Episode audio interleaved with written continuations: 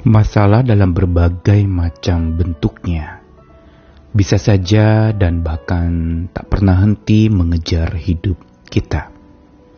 Dan ini merupakan satu fakta dan realita yang tidak bisa diganggu gugat atau ditolak begitu saja.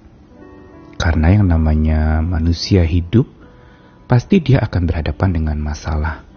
Besar atau kecil, dipandang ada atau tidak ada, tetap dia ada. Hanya sekarang pertanyaannya, respons apa yang kita lakukan saat kita dikejar-kejar masalah? Biasa saat kita dikejar, maka kita akan berlari lebih kencang lagi menjauh dari masalah itu. Dan saat kita lari dari masalah, sering kali justru tidak menyelesaikan masalah. Malah bisa jadi muncul masalah baru. Apalagi kalau kita lari kepada hal-hal yang salah pelampiasan atau mencoba untuk healing dengan cara yang salah. Menenangkan diri tetapi menyangkal bahwa adanya masalah itu. Padahal sesungguhnya dan seharusnya saat kita healing atau memulihkan diri kita, bukan kita lari dari masalah tetapi sejenak kita menjauh dari masalah itu untuk kemudian menghadapinya kelak. Ini adalah hal yang paling sehat. Begitu pula di dalam kehidupan setiap kita maka kita perlu belajar dan bijak kepada siapa kita berlari dan kepada siapa kita bersandar. Dalam perjalanan ziarah kemarin ke Yordania dan di tempat sebuah kota tua yang sangat terkenal bahkan termasuk di dalam tujuh keajaiban dunia yaitu Petra. Saya menemukan satu sisi dari batu-batu yang ada di telusuri di tempat itu, ada sebuah figur gambar seperti kaki manusia yang sedang bersandar di sebuah batu. Kaki itu menandakan dia berpijak di atas batu yang kuat, tetapi dia juga bersandar seperti berlindung di balik batu yang kuat itu. Saya memang kurang paham itu kaki siapa atau gambaran apa. Tetapi inspirasi yang saya dapat ketika melihatnya, saya langsung mengingat apa yang Tuhan katakan tentang Allah sebagai gunung batu. Atau di dalam bahasa Ibrani digunakan kata sur. T-S-U-R dibacanya sur. Yang sama artinya dengan Petra. Gunung batu atau batu yang kokoh atau tebing batu.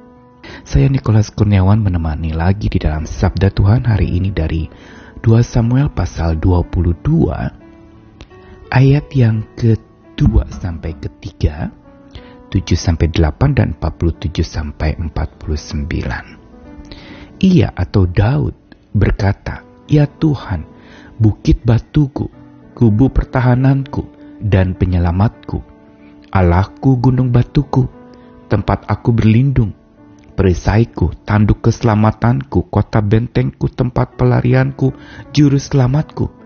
Engkau menyelamatkan aku dari kekerasan. Ketika aku dalam kesesakan, aku berseru kepada Tuhan, kepada Allahku aku berseru, dan ia mendengar suaraku dari baitnya. Teriaku minta tolong masuk ke telinganya, lalu bergoyang dan bergoncanglah bumi, dasar-dasar langit gemetar dan bergoyang oleh karena bernyala-nyala murkanya. Tuhan hidup.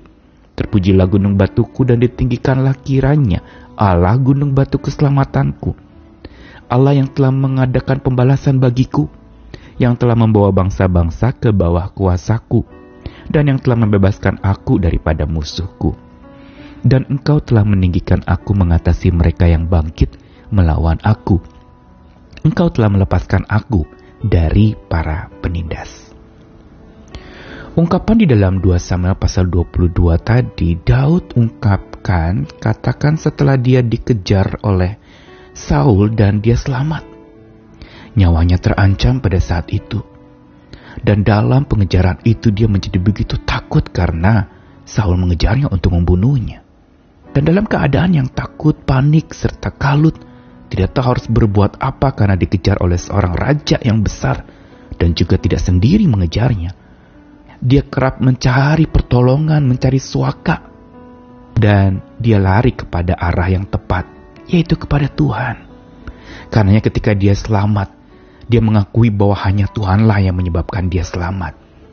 Dan gelar Tuhan sebagai bukit batu, sebagai gunung batu keselamatan itu terungkapkan panjang lebar dalam ungkapan syukurnya di dalam 2 Samuel pasal 22 yang tadi dibacakan. Ini semua menandakan tentang satu pemahaman dan pengenalan yang baru dari Daud terhadap Allahnya, yaitu sebagai gunung batu keselamatan. Kenapa gunung batu keselamatan? Bukankah Allah itu adalah sosok yang lembut, yang penuh kasih, tetapi kenapa digambarkan gunung batu yang keras? Justru gunung batu ini menunjukkan kekokohan. Dan yang menarik, gunung batu selalu mempunyai dua sisi atau inspirasi.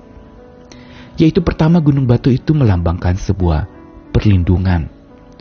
Tempat di mana kita bisa bersembunyi di sana tempat di mana kita memang lari dari masalah tetapi kita bersembunyi di tempat sembunyi yang tepat yaitu bersama dengan Allah yang melindungi kita.